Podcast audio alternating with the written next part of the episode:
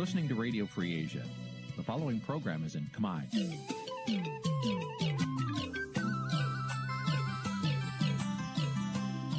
នេះជាកម្មវិធីផ្សាយ Vuthu Azizi Serai នេះជាកម្មវិធីផ្សាយរបស់ Vuthu Azizi Serai ជាភាសាខ្មែរ Vuthu Azizi Serai សូមស្វាគមន៍លោកអ្នកនាងទាំងអស់ពីរដ្ឋធានី Washington នៃសហរដ្ឋអាមេរិក។ ចាប់ផ្សាយផ្ទាល់ពីរដ្ឋធានី Washington នាងខ្ញុំខែសុណងសូមជម្រាបសួរលោកនាងកញ្ញាប្រិយមិត្តអ្នកស្ដាប់និងអ្នកទស្សនាការផ្សាយរបស់វិទ្យុអាស៊ីសេរីទាំងអស់ជាទីមេត្រីចា៎នាងខ្ញុំសូមជូនកម្មវិធីផ្សាយសម្រាប់យប់ថ្ងៃសុក្រមួយកើតខែកដិកឆ្នាំឆ្លូវត្រីស័កពុរសករាជ2565ដែលត្រូវនឹងថ្ងៃទី5ខែវិច្ឆិកាគ្រិស្តសករាជ2021ចា៎ជាដំបូងនេះសូមអញ្ជើញលោកនាងស្ដាប់ព័ត៌មានប្រចាំថ្ងៃដែលមានមេត្តាដូចតទៅ thank you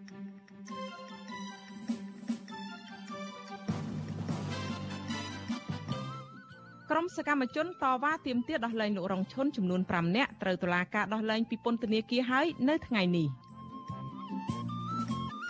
ស្រាវធរភ្នំពេញសម្រាប់ព្យួរទោសកម្មជនបរិស្ថាន3នាក់ក្នុងសំណុំរឿងញុះញង់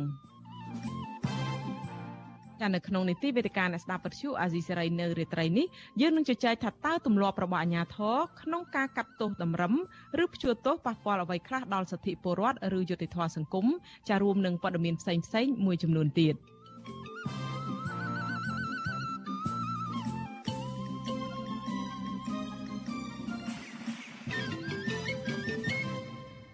តែជាបន្តទៅនេះនាងខ្ញុំខែសុណងសូមជូនព័ត៌មានទាំងនេះពិស្ដា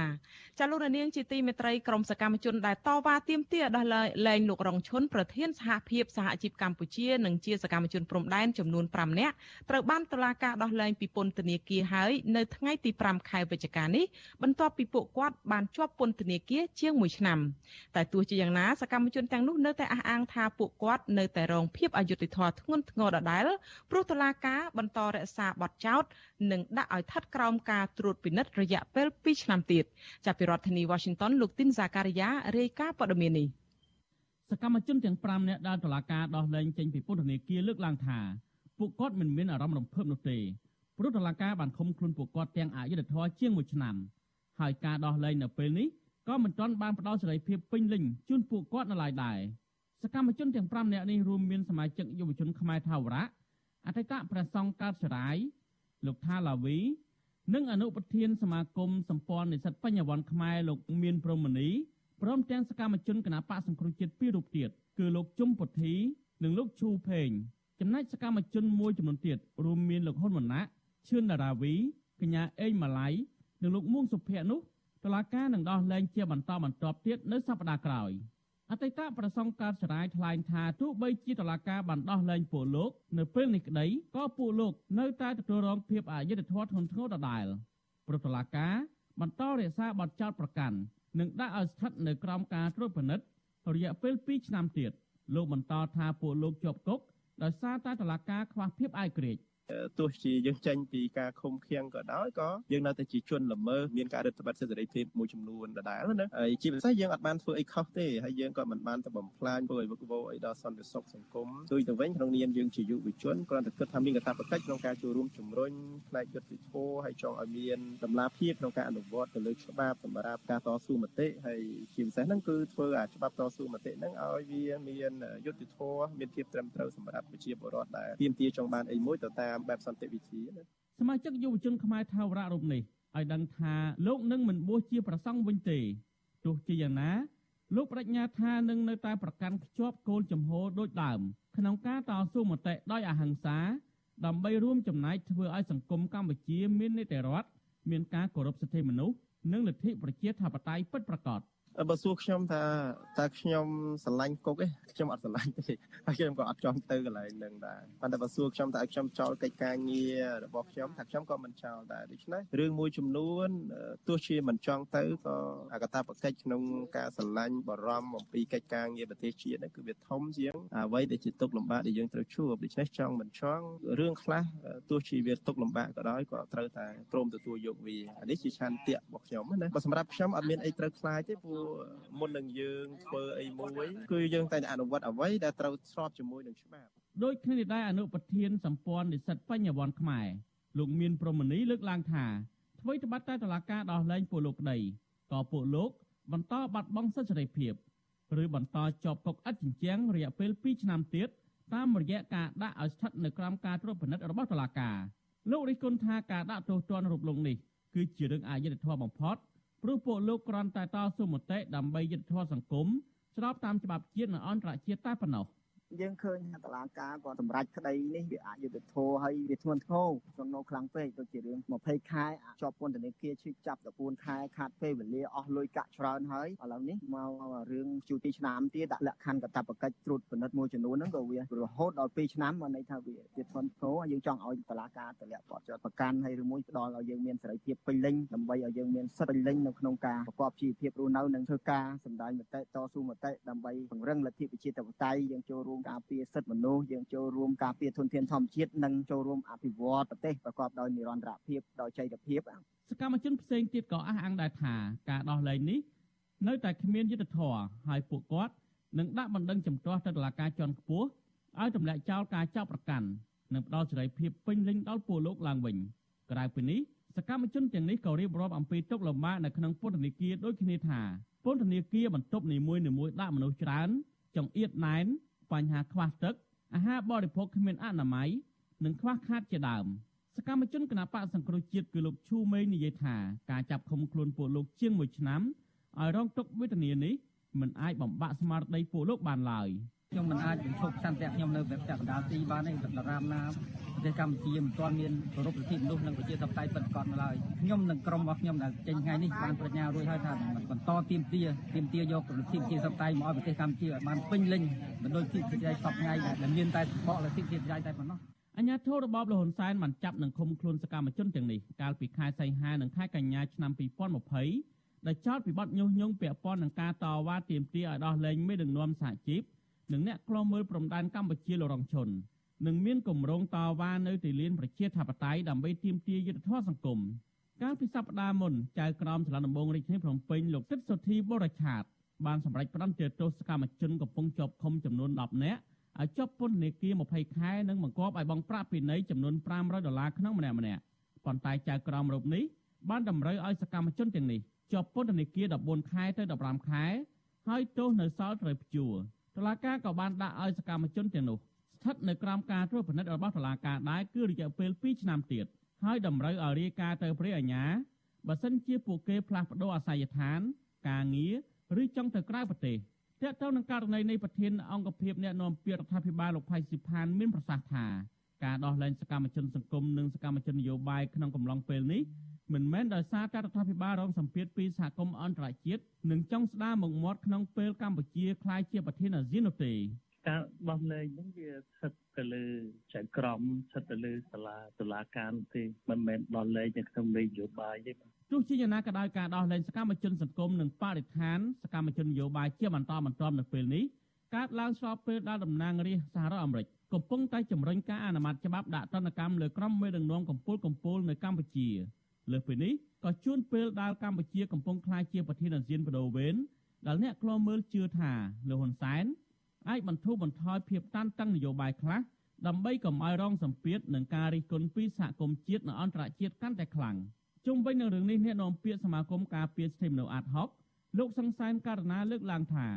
សកម្មជនសង្គមនិងនយោបាយទាំងនេះជាប់ឃុំដោយអយុត្តិធម៌តាំងពីដំបូងមកដូច្នេះ តឡាការគួរផ្ដល់សិទ្ធិសេរីភាពពេញលេញជូនពួកគេវិញ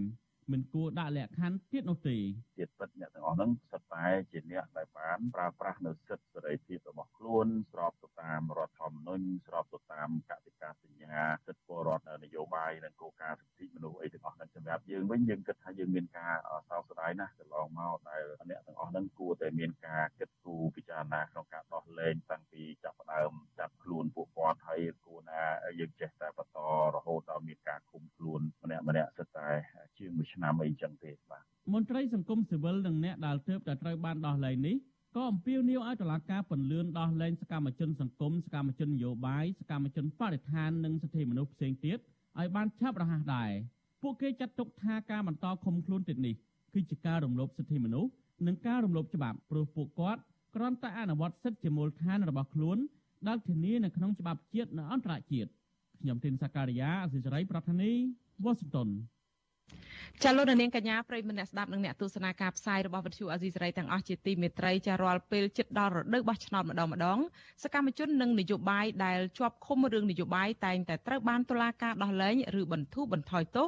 ឲ្យប៉ុន្តែស្ថិតនៅក្រោមលក្ខខណ្ឌឃ្លាំមើលពីសមត្ថកិច្ចនិងតុលាការតើបញ្ហានេះប៉ះពាល់អ្វីខ្លះដល់សិទ្ធិពលរដ្ឋឬយុត្តិធម៌សង្គមចាសូមលោកនាងរងចាំស្ដាប់នីតិវេទិកាអ្នកស្ដាប់វិទ្យុអាស៊ីសេរីនៅពេលបន្តិចទៀតនេះចា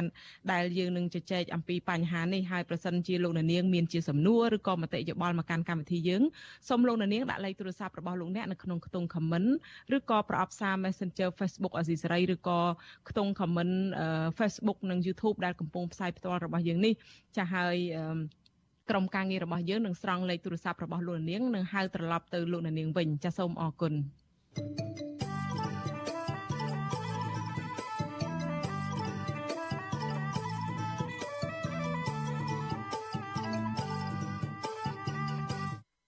ចាលោកនាងកញ្ញាប្រិមមអ្នកស្ដាប់ជាទីមេត្រីចាតកតងទៅនឹងសំណុំរឿងសកម្មជនដែលកំពុងជាប់ឃុំដែរសាលាឧទ្ធរភ្នំពេញបានសម្រេចព្យួរទោសសកម្មជនបរិស្ថាន3នាក់គឺលោកថនរដ្ឋាកញ្ញាឡុងគុន្ធា និងកញ្ញាភួនកែវរស្មីក្នុងសំណុំរឿងញុះញង់ប៉ុន្តែមេធាវីនិងក្រុមគ្រួសាររបស់យុវជនការពារបរិស្ថានទាំង3នាក់នេះចាត់ទុកការសម្រេចនេះថាជារឿងអយុត្តិធម៌និងមិនអាចទទួលយកបានចាសសូមអញ្ជើញលោកនាងស្ដាប់សេចក្តីរាយការណ៍របស់លោកលេងម៉ាលីអំពីរឿងនេះ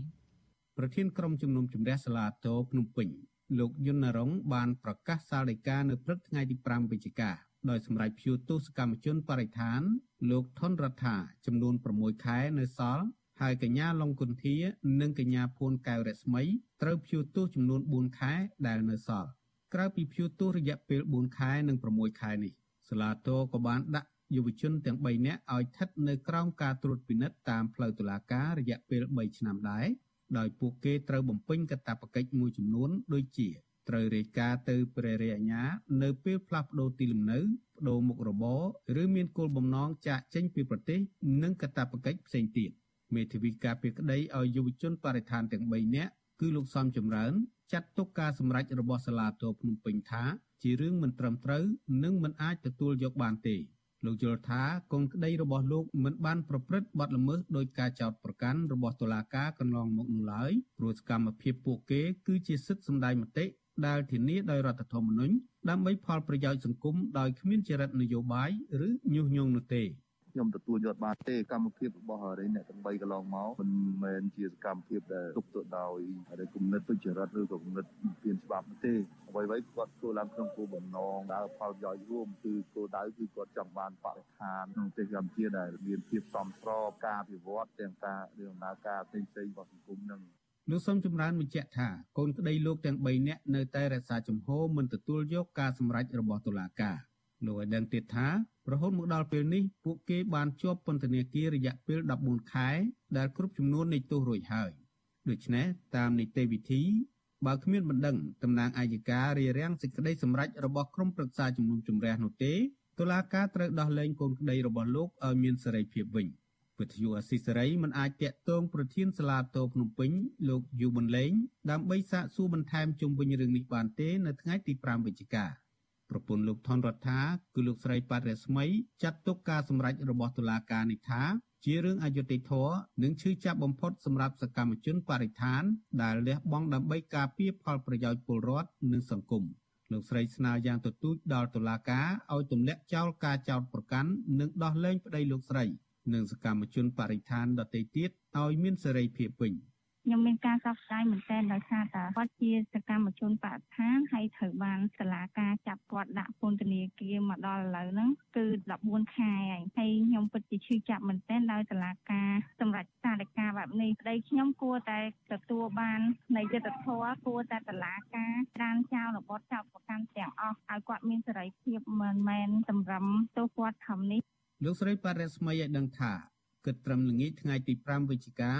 អាញាធរពន្ធនាគារមិនទាន់សម្រេចដោះលែងប្តីលោកស្រីនិងយុវជន2នាក់ទៀតឲ្យមានសេរីភាពនៅឡើយទេគណៈក្រុមគ្រួសារកំពុងទន្ទឹងរង់ចាំសាច់ញាតិនៅមុខពន្ធនាគារព្រៃសរជុំវិញរឿងនេះនាយករងទទួលបន្ទុកផ្នែកឃ្លាំមើលសិទ្ធិមនុស្សនៃអង្គការលីកាដូលោកអមសំអាតសោកស្ដាយចំពោះសាលដីកានេះលោកបន្តថាថ្មីបើសាលាតោសម្រេចបន្ថយទោសក្នុងពន្ធនាគារនិងព្យួរទោសដល់សកម្មជនទាំង3ខ្លះក៏ដោយ ប៉ុន្តែសាលដីកានេះនៅតែជាសារគម្រាមកំហែងបំផិតបំភ័យលើយុវជនដែលចង់ចូលរួមការពារបរិស្ថាន និងធនធានធម្មជាតិដដែល។ យើងមើលថាគាត់រងការរៀបកំផែងពីរដងន័យថាទី1នេះគឺការកាត់ទោសនៅក្នុងសំណុំរឿងញុះញង់ហើយគាត់ក៏នៅមានជាប់សំណុំរឿងមួយទៀតគឺសំណុំរឿងរួមកំណត់បទតែគេមើលឃើញថាបទល្មើសនៃការចោទប្រកាន់ទៅលើសកម្មជនបរិស្ថានហ្នឹងកាន់តែធ្ងន់ធ្ងរទៅធ្ងន់ធ្ងរទៅវាជាការគំរាមកំហែងជាការបំផិតភ័យទៅលើសេរីភាពជាមូលដ្ឋានរបស់ពលរដ្ឋណា របបលោកហ៊ុនសែនបានចាប់ខ្លួនលោកថនរដ្ឋាកញ្ញាឡុងគុន្ធា និងកញ្ញាភួនកែវរស្មីកាលពីដើមខែកញ្ញាឆ្នាំ2020ការចាប់ខ្លួននេះកើតមានឡើងបន្ទាប់ពីកញ្ញាឡុងគុន្ធា បានប្រកាសពីគម្រោងស្លៀកពាក់សដើរពីវត្តភ្នំទៅភូមិគ្រឹះលោកនាយករដ្ឋមន្ត្រីហ៊ុនសែនដើម្បីស្នើសុំជួបលោកនាយពីរឿងផលប៉ះពាល់នៃការលុបបង្កតមោកនៅជារាជធានីភ្នំពេញ។ តុលាការបានផ្តន្ទាទោសពួកគេទាំង3នាក់ឲ្យជាប់ពន្ធនាគារពី18ខែដល់20ខែក្រោមបទចោទញុះញង់ឲ្យមានភាពវឹកវរធ្ងន់ធ្ងរដល់សន្តិសុខសង្គមក្រោយមកតុលាការបានចោទប្រកាន់ពួកគេមួយបទល្មើសថ្មីទៀតគឺបទរួមគំនិតក្បត់ដែលត្រូវបានក្រុមអ្នកសិទ្ធិមនុស្សរិះគន់ថាជារឿងមិនសមហេតុផល និងមិនត្រឹមត្រូវតាមគោលការណ៍ច្បាប់កាលពីពេលថ្មីៗនេះ ក្រុមអ្នកជំនាញសិទ្ធិមនុស្សរបស់អង្គការសហប្រជាជាតិបានបន្តអំពាវនាវដល់រដ្ឋាភិបាលកម្ពុជាឲ្យបញ្ឈប់ការប្រើប្រាស់ប្រព័ន្ធតុលាការធ្វើជាឧបករណ៍ដើម្បីផ្ដន្ទាទោសលើអ្នកហ៊ាននិយាយអំពីសិទ្ធិមនុស្សនៅកម្ពុជាក្រុមអ្នកជំនាញសិទ្ធិមនុស្សទាំងនេះគូបញ្ជាក់ថា ពួកគេព្រួយបារម្ភជាខ្លាំងនិងភ្ញាក់ផ្អើលដែលថារដ្ឋាភិបាលកម្ពុជាបានប្រើប្រាស់តុលាការជាមធ្យោបាយជាថ្មីទៀតក្នុងការបំបិតសម្លេងរិះគន់របស់អ្នកដែលហ៊ាននិយាយរិះគន់រួមទាំងសកម្មភាពអហិង្សាដែលត្រូវបានការពារដោយសិទ្ធិសេរីភាពនៃការបញ្ចេញមតិខ្ញុំបាទលេងម៉ាលីវិទ្យុអស៊ីសេរីរាយការណ៍ពីរដ្ឋធានី Washington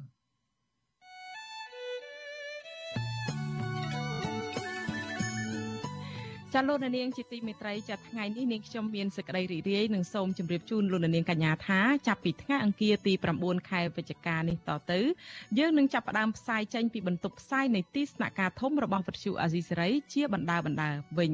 ចាយើងនឹងវិលត្រឡប់ចូលការិយាល័យវិញជាដំណាក់កាលដំណាក់កាល នេះដំណាក់កាលដំបូងយើងនឹងចាប់ផ្ដើមផ្សាយ3ថ្ងៃពីបន្ទប់ផ្សាយនៃការិយាល័យកណ្ដាលឯ4ថ្ងៃទៀតយើងនឹងផ្សាយនៅរក្សាការផ្សាយពីផ្ទះរៀងរៀងខ្លួនសិនចាប់ប្រសិនបើស្ថានភាពជំងឺឆ្លងសកលនេះកាន់តែធូរស្រាលយើងនឹងបង្កើនការផ្សាយពីបន្ទប់ផ្សាយនៃការិយាល័យកណ្ដាលឲ្យបានកាន់តែច្រើន។ ចាយើងរងចាំឱកាសនៃការធ្វើការជួបជុំគ្នាឡើងវិញនេះអស់រយៈពេល7ឆ្នាំហើយហើយយើងសង្ឃឹមថាការបានធ្វើការដោយផ្ទាល់ជាមួយគ្នាឡើងវិញនេះនឹងផ្ដល់ឱកាសឲ្យយើងខ្ញុំមានលទ្ធភាពងាយសហការគ្នាស្វែងរកព័ត៌មាននិងបង្កើនគុណភាពនៃការផ្សាយរបស់យើងជូនលោកនាងកញ្ញាថែមទៀតចាការផ្សាយថ្ងៃទី1ពីបន្ទប់ផ្សាយនៃការិយាល័យវិទ្យុអាស៊ីសេរីក៏ជាបនឯករាជ្យជាតិនៃប្រទេសកម្ពុជាផងដែរហើយក្រុមការងាររបស់យើងក៏នឹងសម្រិបសម្រាំងរៀបចំកម្មវិធីពិសេសជូនលោកនាង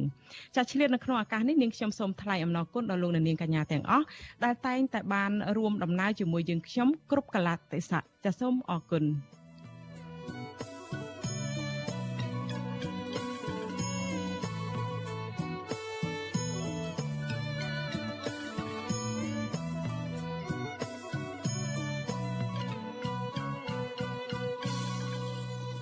ចាលោកនាងជាទីមេត្រីលោកនាងកំពុងតែស្ដាប់នឹងទស្សនាការផ្សាយរបស់វិទ្យុអាស៊ីសេរីផ្សាយចេញពីរដ្ឋធានី Washington នៃសហរដ្ឋអាមេរិកចាងាកមកសេចក្តីរាយការណ៍ដាច់ដោយឡែកមួយទៀតនោះគឺគណៈបកភ្លើងទៀនដែលជាអតីតគណៈបកសំរងស៊ី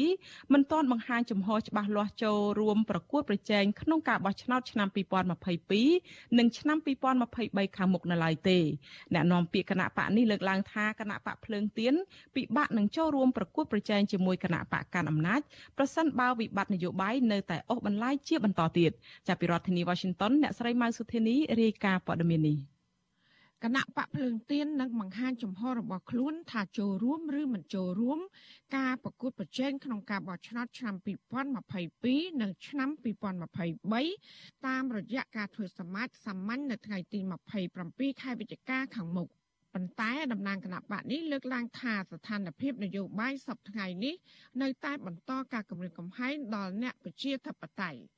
អ្នកនាំពាក្យគណៈបកភ្លើងទៀននិងជាអតីតមន្ត្រីជាន់ខ្ពស់គណៈបកសង្គ្រោះជាតិលោកថាច់សិដ្ឋានិយាយថាគណៈបកភ្លើងទៀននៅពេលនេះប្រៀបដូចជាផ្ទះចាស់របស់លោកក្នុងការប្រម៉ែប្រមូលអ្នកប្រជាធិបតេយ្យឡើងវិញលោកបន្តថាគណៈបកនេះនឹងធ្វើជាដើមឈើផ្ដាល់មលុប ដល់អតីតអ្នកគ្រប់គ្រងនិងអតីតមន្ត្រីបកសង្គ្រោះជាតិដែលបានបែកខ្ញែកគ្នា4ឆ្នាំមកហើយលោកបញ្ជាក់ថាគណៈបកភ្លឹងទៀននៅតែមានរចនាសម្ព័ន្ធនិងអ្នកគ្រប់គ្រងអាចធ្វើសកម្មភាពនយោបាយបានជាដដែលចាត់ទោះជាយ៉ាងណាលោកថាប៉ះសិនបើបរិយាកាសនយោបាយដូចសពថ្ងៃដែលមិនសេរីយុត្តិធម៌នឹងការគម្រាមកំហែង គឺពិបាកធ្វើឲ្យគណៈបកនេះចូលរួមប្រកួតប្រជែងជាមួយនឹងគណៈបកកាន់អំណាចណាស់ដូចថារបស់ផ្ទះចាស់វិញផ្លូវទៀនហ្នឹងដូចជាផ្ទះចាស់របស់ខ្ញុំវិលត្រឡប់មកវិញដើម្បីប្រម៉ែប្រមូលគ្រូរូបរួមគ្នាដើម្បីយើងធ្វើសកម្មភាពផ្ដល់លទ្ធិជាតៃឡើងវិញយើងរងចាំជាង3ឆ្នាំទៅហើយហើយយើងដឹងហើយថាអ្វីដែល ការតស៊ូទាំងអសិទ្ធិសេរីភាពបានទាំងអស់វាស្រេចទៅលើការតស៊ូរបស់យើងហើយបើយើងគ្រាន់តែនៅស្ងៀមរងចាំគេដាក់ទៀនឲ្យរងចាំគេប្រគល់មកឲ្យយើងអានឹងប្រហែលជាវាពិបាកហើយ គណៈបកសំរងស៊ីបានបដូរឈ្មោះទៅជាគណៈបកភ្លើងទៀនកាលពីខែកញ្ញាឆ្នាំ2017ដោយសាររបបលោកហ៊ុនសែនបានកែប្រែច្បាប់គណៈបកនយោបាយមិនឲ្យប្រើឈ្មោះបុគ្គលជាឈ្មោះបកក្រោយមានការរួបរวมគ្នាជាមួយគណៈបកសិទ្ធិមនុស្សបង្កើតបានជាគណៈបកសង្គ្រោះជាតិគណៈបកភ្លើងទៀនមិនបានបង្ហាញសកម្មភាពនយោបាយច្រើនជាសាធារណៈនោះទេ ចាទោះជាយ៉ាងណាក្រោយរបបក្រុងភ្នំពេញរំលាយគណៈបកសង្គ្រោះជាតិជិត4ឆ្នាំមកនេះគណៈបកភ្លើងទៀនក៏បានចាប់ផ្ដើមមានសកម្មភាពឡើងវិញដោយក្រុងរៀបចំសមាជសាមញ្ញដើម្បីធ្វើវិសោធនកម្មប្រការមួយចំនួននៃលក្ខន្តិកៈនិងការជ្រើសតាំងសមាជិកភាពថ្នាក់ដឹកនាំអាណត្តិថ្មីរួមទាំងកំណត់យុទ្ធសាស្ត្រនយោបាយរបស់គណៈបកជាដើមជុំវិញរបបនយោបាយថ្មីនេះអ្នកសម្របសម្រួលផ្នែកអង្កេត របស់អង្គការឃ្លាំមើលការបោះឆ្នោត Conference លោកកនសវាងលើកឡើងថាក្រុមអង្គការសង្គមស៊ីវិលធ្លាប់ចេញសេចក្តីថ្លែងការណ៍រួមស្នើទៅរដ្ឋាភិបាល និងអ្នកពាក់ព័ន្ធឲ្យស្ដារស្ថានភាពឡើងវិញដើម្បីឲ្យមានការប្រកួតប្រជែងផ្នែកនយោបាយរវាងគណៈបកនានាជាមួយនឹងគណៈបកកណ្ដាលអំណាចដើម្បីទទួលបានការស្មើភាពគ្នា ចាអ្នកខ្លំមើលកិច្ចការបោះឆ្នោតរូបនេះយល់ថាប៉ះសិនបើគណៈបកភ្លើងទៀនចូលរួមការបោះឆ្នោតក៏ពិបាករកសម្លេងគ្រប់គ្រងពីប្រជាប្រដ្ឋដែរព្រោះអតីតមន្ត្រីគណៈបកសង្គមជាតិមួយចំនួនក៏បានបង្កើតគណៈបកថ្មីដើម្បីចូលរួមការបោះឆ្នោតនោះដែរលំបាកសម្រាប់ប្រជាពលរដ្ឋនៅឡើយដែលឲ្យមានការជឿទុកចិត្តណាបាទទោះបីជាគណៈបកភ្លើងទៀននឹងក៏ដោយបាទ ចារីឯអ្នកនាំពាក្យគណៈបកប្រជាជនកម្ពុជាលោកសុកអេសាននិយាយថាគម្រោងធ្វើសមាជនេះជារឿងធម្មតារបស់គណៈបកនយោបាយព្រោះគណៈបកភ្លើងទៀននៅតែមានសិទ្ធិពេញលេញក្នុងការធ្វើសកម្មភាពនយោបាយចាលោកបន្តថាទោះបីគណៈបកនេះប្រម៉ែប្រមូលអ្នកគ្រប់គ្រងឬក៏មន្ត្រីគណៈបកសុខាជាតិបែបណាក្តី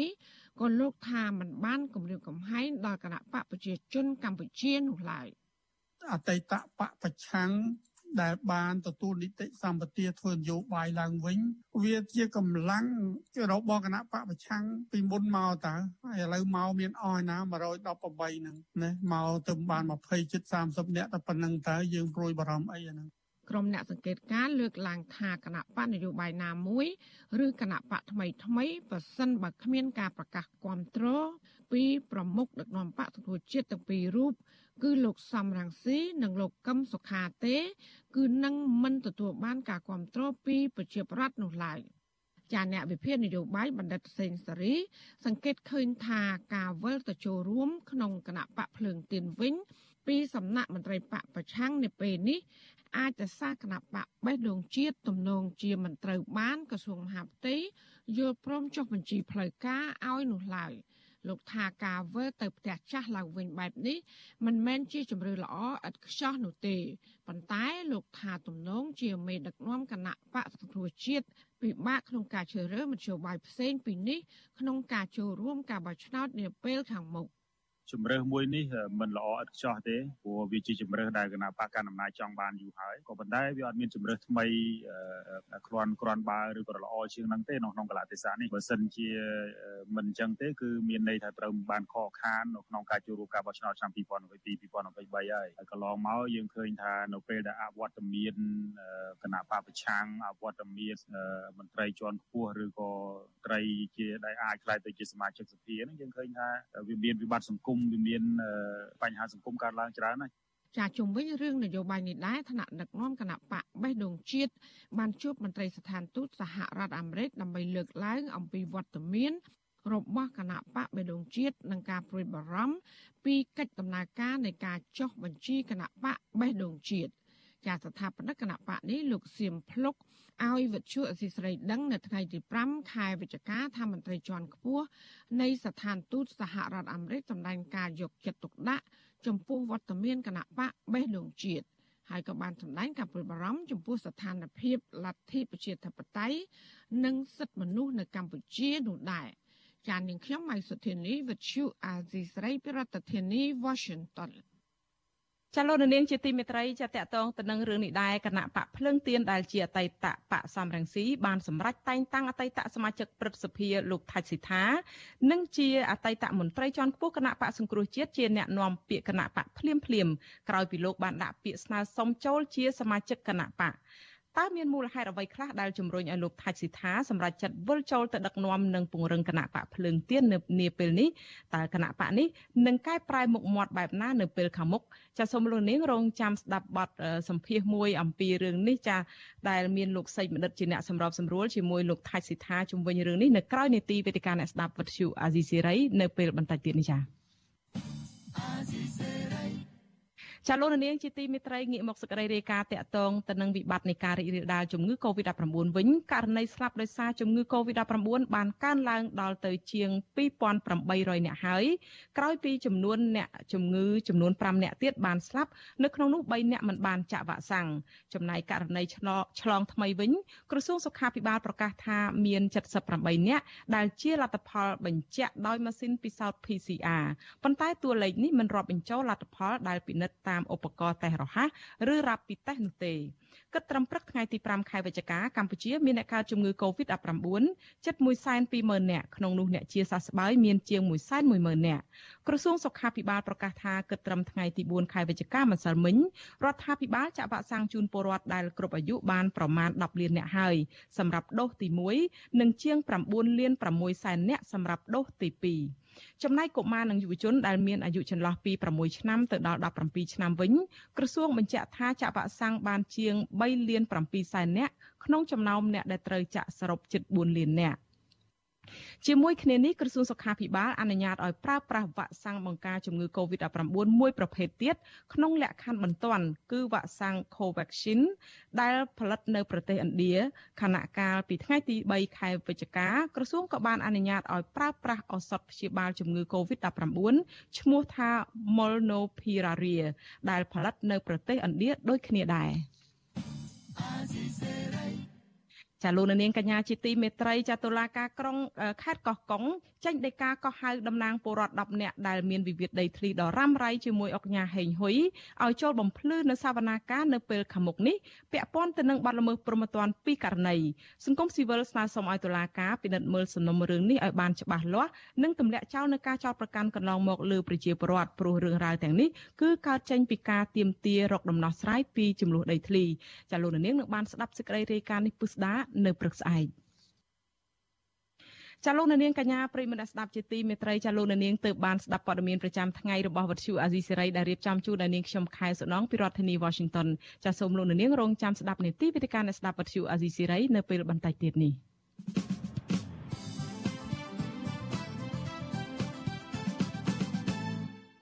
ចាលោកនាងកញ្ញាជាទីមេត្រីជាបន្តទៅនេះគឺជានេតិវេទិកាអ្នកស្ដាប់វិទ្យុអាស៊ីសេរី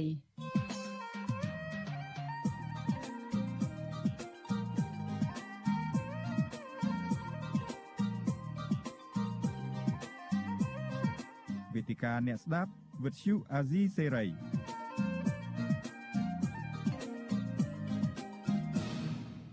ចាលោកនាងជាទីមេត្រីចានៅក្នុងនេតិវេទិកាអ្នកស្ដាប់ពទ្យុអាស៊ីសេរីនៅរាត្រីថ្ងៃសុក្រទី5វិច្ឆិកានេះនាងខ្ញុំខែសុណងជំសូមជម្រាបសួរជាថ្មីម្ដងទៀតចាកិច្ចពិភាក្សារបស់យើងនៅពេលនេះយើងនឹងជជែកថាតើទម្លាប់របស់អាជ្ញាធរនៅក្នុងការកាត់តម្រឹម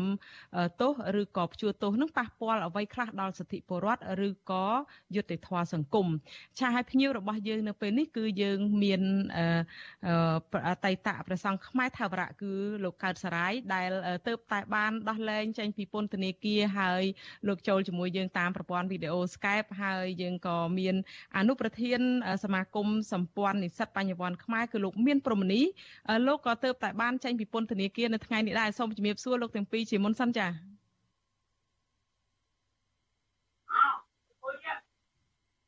ចាខ្ញុំនៅអត់ទាន់ឮសំឡេងលោកទាំងពីរទេ ចាសូមលោកបើកម៉ៃផងចាពួកអាចយើងបិទអ្នកបច្ចេកទេសបិទពីនេះទៅហើយយើងភ្ជាប់មុន ចាអញ្ចឹងអាចលោកមានប្រសាសន៍មើលឮនៅចាបាទជម្រាបសួរផងហើយនឹងលោកជនលោកជាតិទាំងអស់គ្នាផងបាទចាអរគុណចាចុះលោកព្រមនីឮហើយណាចាអត់ តន់ឮទេ ចាអាចបើកម៉ៃប្រហែលជាលោកមិនតន់បើកម៉ៃចាសូមបើកម៉ៃបន្តិចមើលចារូបមីក្រូនេះចា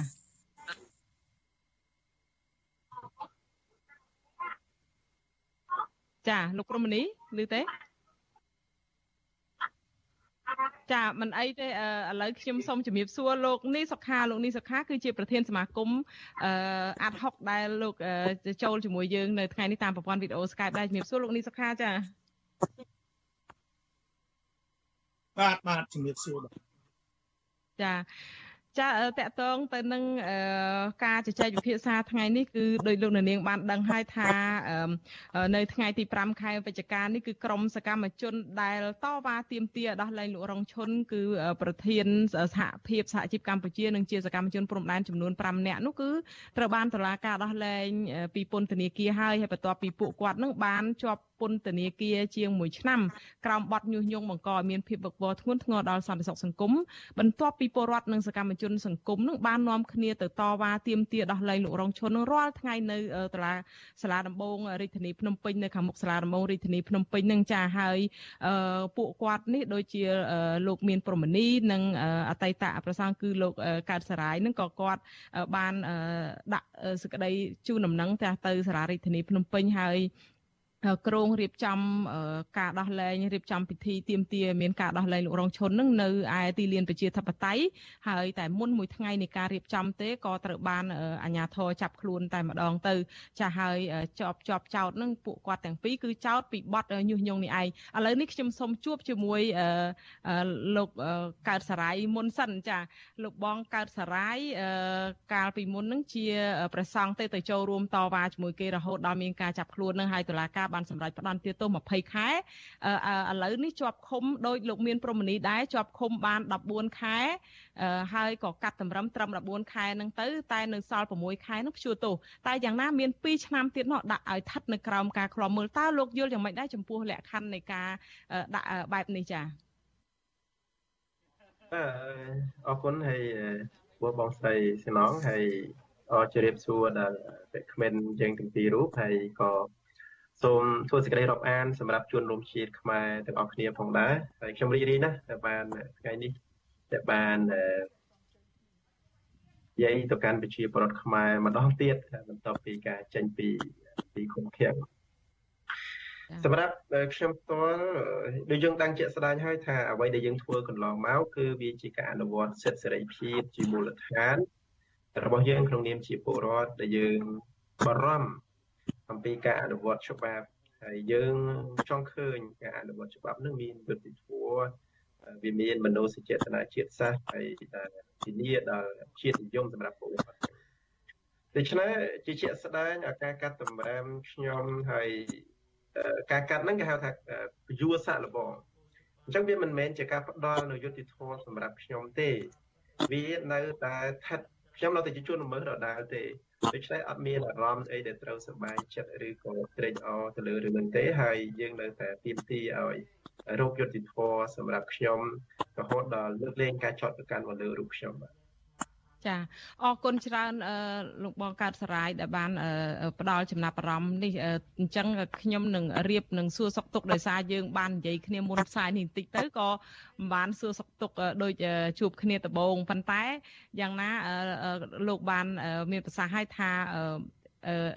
សบายចិត្តដែរប៉ុន្តែយ៉ាងណានៅមិនទាន់ពេញចិត្តអស់ពេញចិត្តពេញថ្លើមអស់ចិត្តទេនៅអ្វីដែលតុលាការសម្រេចបែបនេះឥឡូវងាកទៅលោកមានព្រមនីវិញខ្ញុំសង្ឃឹមថាលោកនៅលឺយើងហើយអាចស្ដាប់គ្នាបានលោកព្រមនីលឺពីខាងយើងច្បាស់ទេចាខ្ញុំនៅឃើញរូបលោកបិទបើកបិទបើកចាសួរបាទចាខែសំណងជំរាបសួរ លោកនីសុខាបាទជំរាបសួរពីបងកើតសរាយចា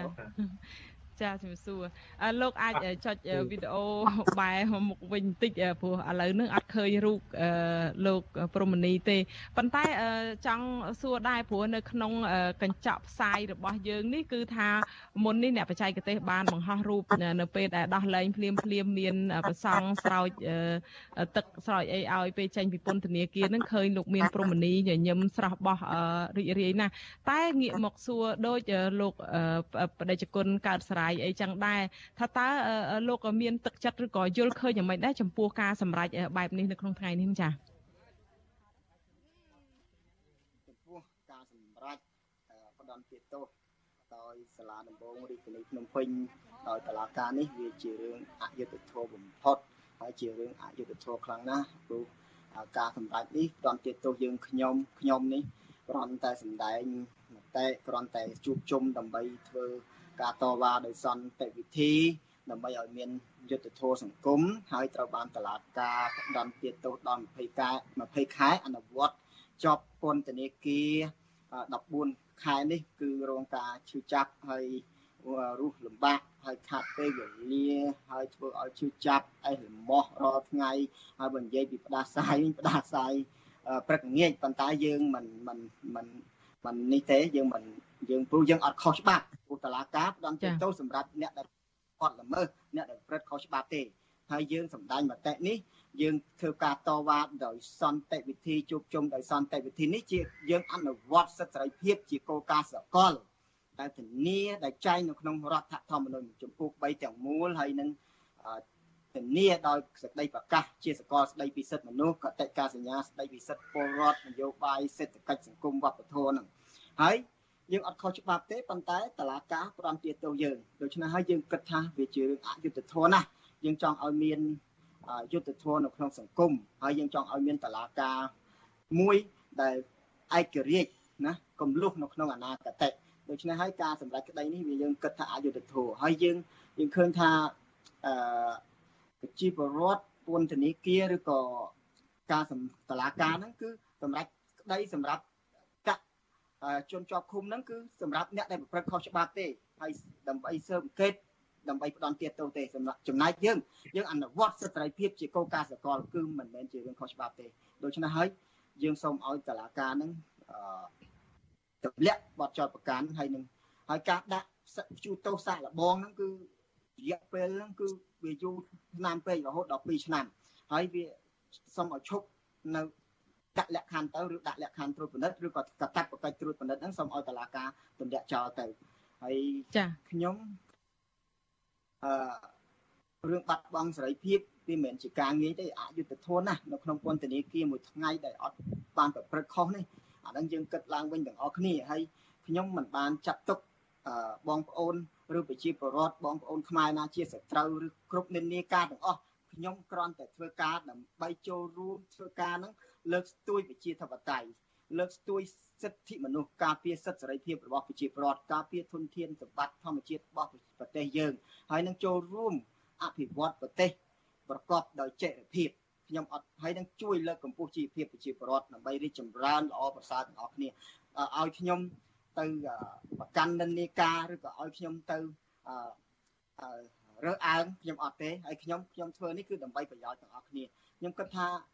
យើងរួមគ្នាធ្វើការដើម្បីអភិវឌ្ឍនិងពង្រឹងប្រជាធិបតេយ្យយើងទាំងអស់គ្នាជាពិសេសរដ្ឋធម្មនុញ្ញជាគោលស្មាឲ្យងាកមកគោរពស្មារតីកិច្ចព្រមព្រៀងសន្តិភាពទីក្រុងប៉ារីសឡើងវិញដល់សន្តិភាពទីក្រុងប៉ារីសឡើងវិញហើយជំរុញឲ្យអ្នកនយោបាយទៅជែកគ្នាឲ្យឲ្យមានឯកភាពជាតិបាទ ចាលោកមានប្រមនីអ្វីត្បិតតែលោកលើកឡើងថាអ្វីដែលលោកធ្វើនោះគឺដើម្បីជាការរួមចំណែកផ្ដល់យុត្តិធម៌ដល់សង្គមនិងអភិវឌ្ឍប្រកបដោយចីរភាពនៅក្នុងសង្គមអីក៏ដោយចុះប៉ុន្តែរដ្ឋាភិបាលខាងរដ្ឋាភិបាលអាជ្ញាធរគេបានចោទប្រកាន់ថាក្រមអ្នកដែលជាប់គឺជាសកម្មជន សង្គមបរិស្ថានអីសកម្មជនសម្លេងប្រឆាំងអីផ្សេងផ្សេងនេះគឺជាក្រមមនុស្សដែល មាននិន្នាការប្រឆាំងរដ្ឋាភិបាល និងបង្កភាពវឹកវរធ្ងន់ធ្ងរអីដល់សន្តិសុខសង្គមក្បត់ត់ជាតិនិងជាអ្នកដែលមានរួមគំនិតក្បត់អីចឹងជាដើមអឺដោយលោកមានប្រមនីបាននិយាយថាចំហរបស់ខ្លួនគឺដើម្បីសង្គមជាតិទេ តែយ៉ាងណាក៏ដោយអឺ ជាចុងក្រោយនេះលោកទោះបីជាមានសេរីភាពហើយជាប់រយៈពេល1ឆ្នាំជាងអត់អំពើហើយបើតាមលោកលោកថាគ្មានយុត្តិធម៌មានន័យថាវាស្មើនឹងជាប់អត់អំពើលោកមិនបានប្រព្រឹត្តកំហុសនោះរយៈពេល2ឆ្នាំផ្សេងទៀតដាក់ឲ្យស្ថិតនៅក្រោមការឃ្លាំមើលទៅទៀតថាតើលោកអាចធ្វើអ្វីបានបើសិនជានៅតែបន្តស្ថិតនៅក្រោមការឃ្លាំមើលអញ្ចឹងហើយបន្តិចទៀតខ្ញុំនឹងឲ្យលោកនីសុខាបញ្យលអំពីលក្ខខណ្ឌនិងគោលការណ៍ដែលថាដាក់ឲ្យស្ថិតការ ឃ្លាំមើលនឹងតាមលក្ខខណ្ឌច្បាប់យើងនៅជាប់កាតព្វកិច្ចនឹងវាមានផលប៉ះពាល់យ៉ាងម៉េចខ្លះចាអញ្ចឹងសូមឲ្យលោកព្រមនីបន្ថែមលើចំណុចនេះបន្តិចសិនចាខ្ញុំខ្ញុំថាធ្វើសកម្មភាពដែលស្របច្បាប់តែមិនប៉ះពាល់ដល់កាតព្វកិច្ចឬវិធានការត្រួតពិនិត្យរបស់តុលាការខ្ញុំថាវាដូចគ្មានរឿងអីត្រូវមកអឺ ខ្ញុំខុសឬក៏បំពេញកតបកិច្ចត្រួតវិធានការត្រួតពិនិត្យសំទោសវិធានការត្រួតពិនិត្យរបស់តុលាការហ្នឹងទេខ្ញុំមើលគិតថាវិធានការដែលសម្រាប់នៅក្នុងសារក្រមរបស់សាលាដំបងហ្នឹងមាន6ចំណុចហ្នឹងវាវាមិនមានធ្វើសកម្មភាពបម្រើសង្គមវាដូចអត់ប៉ះពាល់អីទេហើយខ្ញុំខ្ញុំខ្ញុំថាធ្វើសកម្មភាពទាំងអស់ហ្នឹងវាវាស្របជាមួយច្បាប់ច្បាប់ប្រទេសហើយស្របជាមួយនឹងគោលការណ៍ព្រំប្រទានដូចគ្នា ហើយកតបកិច្ចត្រួតពិនិត្យហ្នឹងបើខ្ញុំមើលមាត្រា188នៃក្រមព្រំតាន់គឺវាមាន6ចំណុចហើយដូចប៉ុន្តែចំពោះខ្ញុំខ្ញុំអត់មានអីទៅបំពេញច្បាប់ទេខ្ញុំចូលរួមណាខ្ញុំគោរពណាស់នីតិរដ្ឋខ្ញុំត្រូវការណាស់នីតិរដ្ឋប្រជាពលរដ្ឋខ្មែរត្រូវការណាស់នីតិរដ្ឋព្រោះនីតិរដ្ឋនឹងធ្វើឲ្យមនុស្សទាំងអស់អឺនាំគ្នាគោរពច្បាប់ហើយមានយុត្តិធម៌មានយុត្តិធម៌ពិតប្រាកដនៅក្នុងសង្គមដូច្នេះខ្ញុំគិតថាវាគ្មានរឿងអីមួយត្រូវតែ ហាម5ខ្ញុំមិនឲ្យធ្វើការជួយជាតិជួយសង្គមលើកកម្ពស់សិទ្ធិមនុស្សចូលរួមលើកស្ទួយជាចឹងលោកមានព្រមនីបើសិនជាដាក់លោកតែស្ថិតក្រោមការឃ្លាំមើល2ឆ្នាំចឹងហើយលោកចង់មានន័យថាលោកនៅតែបន្តសកម្មភាពទៀតឬក៏លោកនៅមានការកម្រិតខ្លួនឯងចា៎ពីមិនកម្រិតអីទេប៉ុន្តែយើងធ្វើអីដែលវាស្របជាមួយច្បាប់រដ្ឋធម្មនុញ្ញគោលការណ៍ក្រមព្រំប្រទាន ណាក្រមព្រំប្រទានព្រំអីហ្នឹងយើងហើយយើងយើងអត់មានតិបញ្ជាក់ឲ្យច្បាស់ថាយើងអត់មានទៅធ្វើឲ្យប៉ះពាល់ដល់សន្តិសុខសង្គមហើយនឹងប៉ុន្តែអ្វីដែលលោកមានព្រមនីត្រូវបានគេចាប់ឃុំខ្លួនរយៈពេលជាង1ឆ្នាំមកនេះគឺលោកថាលោកធ្វើត្រឹមត្រូវតាមច្បាប់ប៉ុន្តែគេបានចាប់លោកដាក់ពន្ធនាគាររយៈពេលជាង1ឆ្នាំដោយចោទពីបទញុះញង់ទៅហើយតើធ្វើម៉េចទៀតទៅដើម្បីឲ្យត្រឹមត្រូវនោះចា៎ស្រាប់ថាយើងកសាងស្ថាប័នតឡាការមួយដែល អាចជឿទុកចិត្តបានពីប្រជាពលរដ្ឋទូទៅហើយយើងសូមឲ្យតឡាការនឹងឯករាជ្យទេហើយព្រោះតឡាការជាអ្នកធានាអនាគតការពារសិទ្ធិសេរីភាពរបស់ប្រជាពលរដ្ឋហើយបើតឡាការអឺយើងអនុវត្តច្បាប់ដោយដោយអត់ឯករាជ្យហើយដោយអយុត្តិធម៌រំលោភបំពានសិទ្ធិសេរីភាពប្រជាពលរដ្ឋអានឹងតឡាការវាទៅជាតឡាការមួយយើងមានស្ថាប័នមួយវា ប្រជាពលរដ្ឋគាត់វិនិច្ឆ័យតាមហ្នឹងហើយខ្ញុំខ្ញុំចង់ឲ្យឃើញថាតឡាការប្រជាពលរដ្ឋជឿទុកគាត់ជឿទុកចិត្តបានហើយពឹងពាក់បានហើយជាស្ថាប័នមួយដែលមានប្រជាពលរដ្ឋទាំងអស់យល់ថាមានតែតឡាការគេអាចដោះស្រាយរឿងក្តីគាត់ប្រកបដោយយុត្តិធម៌មិនលុះក្នុងអនាគតដែលធ្វើឲ្យមានការគោរពសិទ្ធិសេរីភាពរបស់ប្រជាពលរដ្ឋឡើងវិញអាហ្នឹងខ្ញុំអរគុណច្រើន ចាអរគុណច្រើនលោកមានព្រមនីចាដែលលោកបានចាប់អារម្មណ៍ច្រើនលើអ្វីដែលលោកបានចេញមកនៅពេលនេះហើយបន្តិចទៀតយើងខ្ញុំនឹងងាកទៅលោកទាំងពីរវិញសូមទៅលោកនីសុខាលោកនីសុខារឿងការកាត់ទោសជួទោសតម្រឹមទោសនេះលោកខ្លួនឯងគឺមានបទពិសោធន៍ផ្ទាល់ខ្លួនហើយដោយសារតែលោកនីសុខាក៏ធ្លាប់ជាប់ពន្ធនាគារដែរហើយលោកជាមន្ត្រីអង្គការសង្គមស៊ីវិលផងហើយជាប់នឹងក៏មានការព្យួរទោសអីកាលនោះគឺផ្សារភ្ជាប់ទៅនឹងរឿងរឿងសំណុំរឿងលោកកម្មសុខារឿងនាងស្រីមុំនោះចាតែខ្ញុំមិនរំលឹករឿងនោះទេប៉ុន្តែចង់ឲ្យថាក្នុងនាមដែលលោកនីសុខាជាធ្លាប់ជាប់ពន្ធនាគារមានបទពិសោធន៍ខ្លួនឯងហើយលោកចង់ឲ្យលោកបញ្យល់ថាតើគោលការណ៍អ្វីខ្លះទៅនៅក្នុងច្បាប់ដែលថាកាត់តម្រឹមទោសឬក៏ព្យួរទោសនឹងតើបើសិនជាជននោះប្រព្រឹត្តអ្វីបន្តទៀតនៅពេលដែលគាត់បានចេញហើយនោះតើគាត់នឹងទទួលរងទុកបុកម្នេញអីយ៉ាងម៉េចទៅទៀតទៅចាទោសទណ្ឌយ៉ាងម៉េចទៀតទៅចា បាទអរគុណសំណងហើយសូមជាដំបូងសូមអបអរសាទរផងចំពោះលោកអូនអតរាយហើយនិងលោកអូនព្រំមនីដែលលោកបានចេញពីពន្ធនាគារនៅក្នុងថ្ងៃនេះប៉ុន្តែទៅទៅនឹងការអបអរសាទរអបអរសាទរដោយសារតែខ្ញុំមានការត្រេកអរក្នុងការដែលបងអូនបានចេញអំពីកន្លែងដែល យើងឃើញថាកន្លែងដែលឃុំឃាំងដែលមានការពិបាកវេទនានៅក្នុងរយៈពេលប្រហែលនេះហើយប៉ុន្តែអ្វីដែលទន្ទឹមនឹងការអបអរសាទរនេះខ្ញុំក៏មានការសោកស្ដាយដែរចំពោះអ្វីដែលតឡាការដែលបានធ្វើសេចក្តីសម្រេចដែលបានដាក់ការផ្ដំទៀតទោសហើយនឹងរហូតដល់មានទោសខ្លះជួសម្រាប់រូបអូនទាំងអស់ក៏ដូចជាបងប្អូនផ្សេងទៀតយុវជនយើងផ្សេងទៀតដែល ជាប់ពន្ធនាគារក្នុងរឿងមនសិការក្នុងរយៈកាលនេះបាទដែលយើងនៅក្នុងសង្គមស៊ីវិលតែងតែទទូចហើយទទូចទៀតថាឲ្យតុលាការនឹងទម្លាក់ចោលការចោទកាន់ដោយយើងយល់ថាបងប្អូនទាំងអស់នឹងមិនបានធ្វើខុសទៅនឹងអ្វីដែលជាច្បាប់ទេមិនមែនជារឿងបាត់ល្មើសទៅនឹងច្បាប់ទេអានេះយើងមានការសោកស្ដាយរហូតដល់ពេលនេះយើងឃើញថាម្នាក់ម្នាក់សិតជាប់ឃុំជាង1ឆ្នាំបាទនៅក្នុងវិញខ្ញុំសូមធ្វើការកត់សម្គាល់អំពី ការព្យួរទោសការដែលតឡាការកាត់ទោសទៅលើសកម្មជនពិសេសគឺអ្នកដែលជាប់ទោសដោយសាររឿងមនសិការដូចជាសកម្មជនអ្នកការពារសិទ្ធិមនុស្សសកម្មជនដីធ្លីសកម្មជនបរិស្ថានសកម្មជនអឺអតិថិទៀតដូចជាសកម្មជននយោបាយផងដែរបាទដែលជាជារឿយរឿយតឡាការតែងតែធ្វើការកាត់ទោសដោយធ្វើការផ្ដន់ទោសភាគច្រើនយើងមើលទៅដែលយើងសង្កេតគឺថាដែលដែលដែល ដែលមហាជនជាទូទៅមើលឃើញថាជាការកាត់បែបតម្រឹមតម្រឹមទោសនឹងមានន័យថាជាប់ពន្ធនាគារប្រមាណគឺដាក់ទោសប៉ុណ្ណឹងទៅសល់ប្រមាណព្យួរចឹងទៅបាទហើយវិធីនេះគឺជាវិធីមួយដែលតុលាការប្រើទៅលើសកម្មជនដូចខ្ញុំបានរៀបរាប់ខាងលើនឹងជារឿយរឿយមកឲ្យសូម្បីតែពួកខ្ញុំនឹងក៏ក៏ដូចគ្នាចឹងដែរគឺថាខ្ញុំត្រូវបានតុលាការកាត់ទោស5ឆ្នាំនោះ បើនិយាយពីទោសខ្ញុំគឺ5ឆ្នាំប៉ុន្តែនៅពេលដែលខ្ញុំជាប់ទោសបាន14ខែប្រហែលថ្ងៃខ្ញុំមិនចាំដល់ថ្ងៃណាប៉ុន្តែនៅពេលដែលសម្រេចខ្ញុំនឹងគឺថាដាក់ទោស14ខែប្រហែលថ្ងៃនឹងតែម្ដងបាទដូច្នេះមានន័យថាតម្រឹមតែម្ដងមានន័យថាទោសនឹងគឺវាកម្រិតប៉ុណ្ណឹងហើយនៅសល់ប្រហែលគឺព្យួរដោយបងប្អូនចឹងដែរបាទមានការព្យួរទោសចឹងដែរតែខ្ញុំវាមានការនេះដែរវាមានការខកចិត្តដែរចំពោះការសម្រេចមួយដែលថាអឺ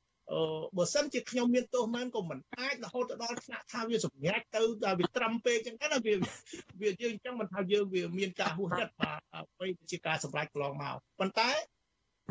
យើងឃើញថាជាការពិតគឺច្បាប់អនុញ្ញាតចឹងមែនច្បាប់នៅក្នុងក្រមព្រហ្មទណ្ឌគឺបានអនុញ្ញាតឲ្យតុលាការលោកមានឆន្ទៈនិស្សិតក្នុងការសម្រេចចឹងមែន គឺថាមានការសម្រេចដាក់ទោសក្នុងទោសពន្ធនាគារក៏ដូចជាទោសព្យួរហើយនៅក្នុងទោសព្យួរហ្នឹងគឺមានពីរពីរពីរចំណុចមើលឃើញនៅក្នុងនោះគឺថាទោសព្យួរធម្មតាហើយនិងទោសព្យួរសាក់លបងបាទដូច្នេះនៅក្នុងទោសព្យួរធម្មតានេះជាទូទៅគឺថាมันមានលក្ខខណ្ឌអីច្រើនទេបាទគាត់ថាបើមិនបើគេដាក់ទោសព្យួរនៅក្នុងន័យមួយថាយើងមិនទាន់រួចផុតពីទោសតន់នៅឡើយទេពីព្រោះយើងនៅជាប់ទោសព្យួរនៅឡើយ ប៉ុន្តែបើសិនជាក្នុងលក្ខខណ្ឌព្យួរធម្មតាមានន័យថាថ្ងៃក្រោយបើសិនបើយើងមានការព្រឹត្តនៅបទល្មើសអីផ្សេងទៀតដែលតឡាការមើលឃើញថាយើងមានទោសអីផ្សេងទៀតអានឹងគេអាចយកអាទោសដែលព្យួរហ្នឹងទៅដាក់ទងន់លើយើងបន្ថែមទៀតបាទនេះវានៅក្នុងលក្ខខណ្ឌនៃពុទ្ធប៉ុន្តែបើសិនជានៅក្នុងទោសព្យួរសាកល្បង ជាទូទៅទោសជួសាកល្បងនេះគឺគេសាកល្បងទោសដែលក្នុងកម្រិតនៃការដាក់ទោសជាប់ពន្ធនាគារហើយគេមានកម្រិតនៃការជួសាកល្បងហើយជួសាកល្បងនេះវាមានរយៈពេលពីចន្លោះ1ឆ្នាំទៅ3ឆ្នាំដូច្នេះហើយបានលោកលោកលោកអូនព្រំមនីគាត់លើកថាគាត់ត្រូវបានគេព្យួរ2ឆ្នាំអញ្ចឹងមានន័យថាទោសដែលព្យួរនោះគឺវាមានចន្លោះពី1ឆ្នាំទៅ3ឆ្នាំមានន័យថាទៀតបំផុត1ឆ្នាំខ្ពស់បំផុត3ឆ្នាំហើយនៅក្នុងគោលការណ៍នៃការព្យួរសាកល្បងនេះវាមានលក្ខខណ្ឌ នៅក្នុងនោះណាបាទហើយលក្ខខណ្ឌហ្នឹងមានន័យថាវាមានលក្ខខណ្ឌមួយចំនួនដែលគេគេហាមឃាត់ដូចជាលក្ខខណ្ឌមួយគឺថាត្រូវតែស្ដាប់ដោយការកោះរបស់ព្រាជអាញាមានន័យថាបើសិនជាព្រាជអាញាចង់កោះហៅយើងពេលណាគឺយើងត្រូវតែមកចូលដើម្បីឆ្លើយខ្លួនចាក៏អ្នកដែលបុគ្គលដែលបរិយាញ្ញាបានផ្ដល់សិទ្ធិទៅឲ្យនឹងគឺថាគេមានសិទ្ធិហៅយើងដែរ អញ្ចឹងមានន័យថាយើងនៅជាប់តាបកិច្ចមួយគឺន័យថាបើសិនជាគេហៅយើងយើងត្រូវតែចុះចង់ទីទៅចាហើយទី2នោះគឺថាយើងត្រូវតែបង្ហាញខ្លួននៅនៅចំពោះមុខសមត្ថកិច្ចដែលព្រះអញ្ញាបកុលសមត្ថកិច្ចឲ្យនឹងយើងត្រូវតែបង្ហាញមុខហើយទី3នោះគឺថាយើងត្រូវតែ ដល់ជារបាយការណ៍ជាទៀងទាត់របាយការណ៍ជាលាយលក្ខអក្សរទៀងទាត់ទៅឲ្យខាងសមត្ថកិច្ចហ្នឹងដែលបរិញ្ញាញ្ញា បកុលសិទ្ធឲ្យហ្នឹងណាត្រូវទៅធ្វើជារបាយការណ៍មានន័យរបាយការណ៍យើងមិនមិនដឹងស៊ីជម្រៅថាម៉េចប៉ុន្តែរបាយការណ៍អាចជារបាយការណ៍នៅក្នុងនៃយើងធ្វើកាយការអីយើងទៅណាយើងមកណាអញ្ចឹងណាបាទហ្នឹងត្រូវតែផ្ដល់អាហ្នឹងហើយមួយទៀតនោះក៏ថាមិនឲ្យយើងធ្វើការផ្លាស់ប្ដូរទីលំនៅទេ បាទអឺបើសិនជាយើងចង់ផ្លាស់ប្ដូរទីលំនៅត្រូវតែមានការជូនដំណឹងទៅឲ្យអញ្ញាធរឬក៏ទៅឲ្យព្រះអញ្ញាដើម្បីឲ្យគេតាំងអានេះជាលក្ខខណ្ឌហើយ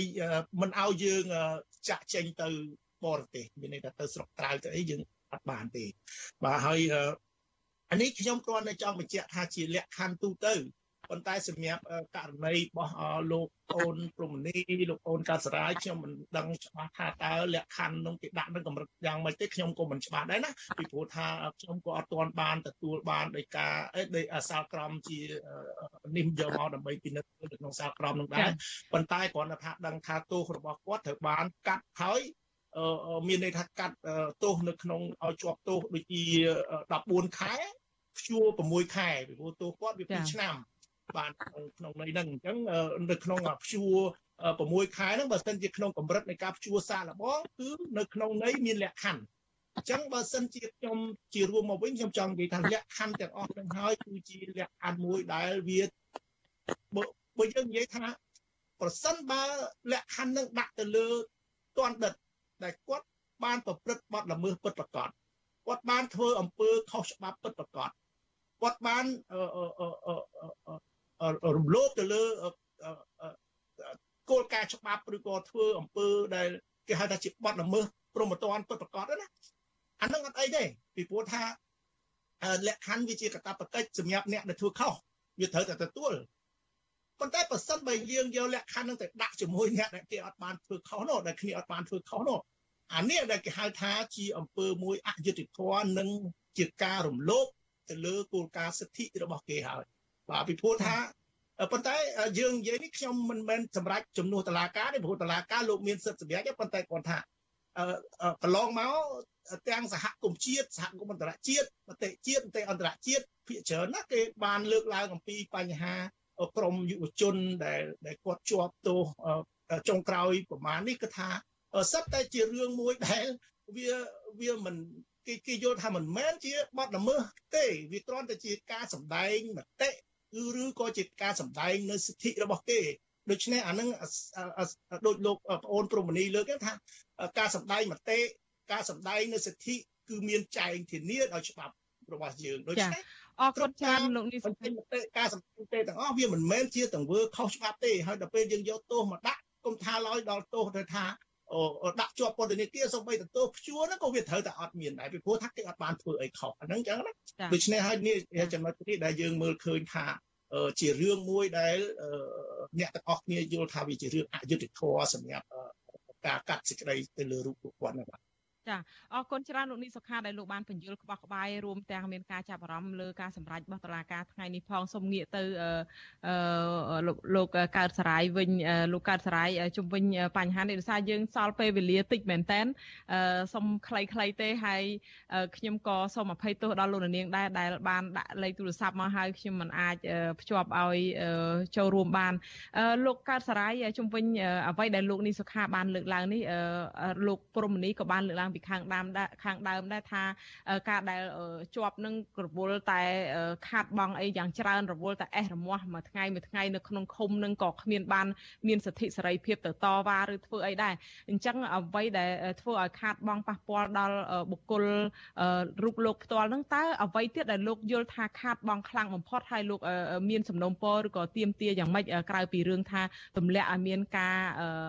ដោះលែងមានការចោទប្រកាន់អីបែបនេះចា៎ បាទអរគុណបងស្រីសំឡងអឺសម្រាប់ខ្ញុំជាជាក់ស្ដែងខ្ញុំគិតថាយើងគួរតែរៀនសូត្រអ្វីដែលថ្មីព្រោះសារជាតិរបស់មនុស្សគឺมันអាចរស់ដដែលទេគឺត្រូវមានការអភិវឌ្ឍទៅលើអ្វីដែលវាថ្មីខ្ញុំមើលឃើញអំពីពិភពលោកថ្មីដែលយើងត្រូវរៀនសូត្រ ច្រើនហើយក៏វាជាកត្តាក្នុងការជំរុញឲ្យប្រទេសរបស់យើងនឹងអាចឈានទៅរកការអភិវឌ្ឍទាំងផ្នែកមនុស្សទាំងផ្នែកសេដ្ឋកិច្ចឬក៏ហេដ្ឋារចនាសម្ព័ន្ធផ្សេងផ្សេងអីចឹងទៅប៉ុន្តែសម្រាប់ខ្ញុំខ្ញុំចង់ឲ្យយើងរៀនសូត្រថាក្នុងនាមជាពលរដ្ឋខ្មែរដូចគ្នាឲ្យទៅធ្វើសកម្មភាពអីដើម្បីបម្រើដល់ផលប្រយោជន៍ជាតិដែលមើលឃើញថាផលប្រយោជន៍នឹងវា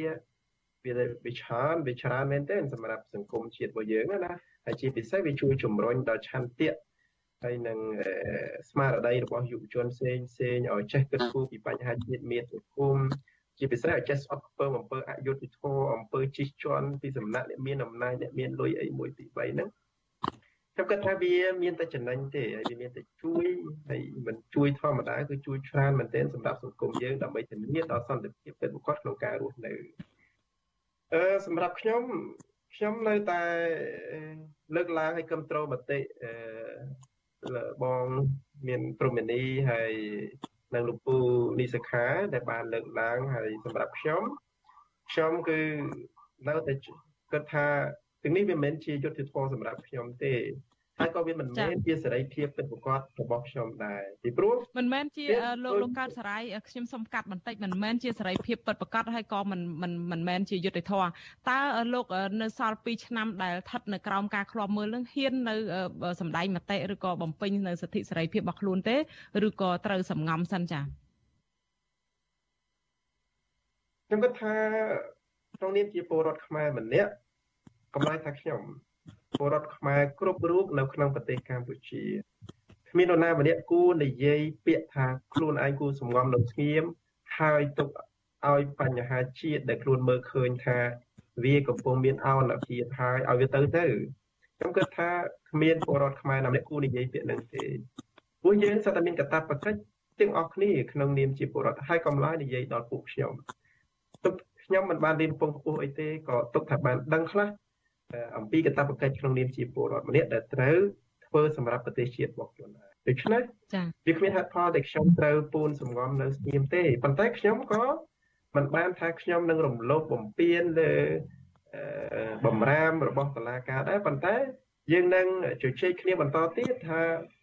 តើរឿងទាំងអស់ហ្នឹងអ្វីទៅហៅថាខុសអ្វីទៅហៅថាត្រូវ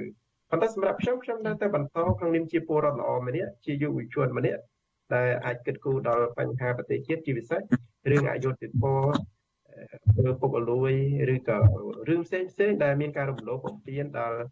ការរស់នៅប្រជាប្រដ្ឋហ្នឹងខ្ញុំនៅតែធ្វើវាសម្រាប់ប្រជាពលរដ្ឋហើយនៅប្រទេសរបស់ពួកយើងដែរ ចាអរគុណច្រើនលោកខាត់សរាយចាសូមងាកទៅលោកមានព្រមនីចុងក្រោយរបស់ខ្ញុំតើលោកមានព្រមនីមានជាសារអ្វីតាមពិតទៅខ្ញុំមានសំណួរច្រើនណាស់ដែលចង់សួរសុកទុកពីព្រោះថាឮថាពួកលោកក៏ជួបលោកគ្រូរងឈុននឹងជារៀងរាល់ថ្ងៃអីនៅពេលដែលនៅក្នុងពន្ធនាគារអីជាមួយគ្នាអីយើងសង្ឃឹមថានឹងបានសេចក្តីរាយការណ៍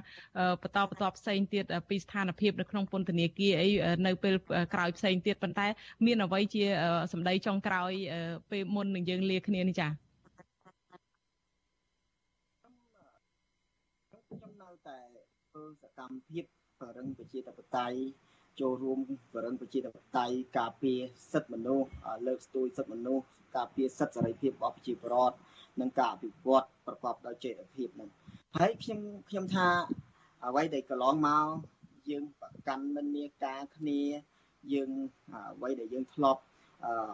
គិតថាមានក្រុមនេះក្រុមនោះហើយយើងមិនមករួបរวมគ្នាឯកភាពជាតិគ្នានេះយើងយើងឈប់អាដីគឺយើងគោរពសិទ្ធិមនុស្សគោរពប្រជាធិបតេយ្យការពារសិទ្ធិសេរីភាពរបស់ប្រជាពលរដ្ឋចា លោកព្រំនីចាខ្ញុំបានដាច់លោកព្រំនីទៅហើយចាប៉ុន្តែលោកនីសុខានៅជាមួយខ្ញុំបន្តិចទៀតសិនចាខ្ញុំសូមគ្រប់លាដល់លោកនាងដែលកំពុងតែ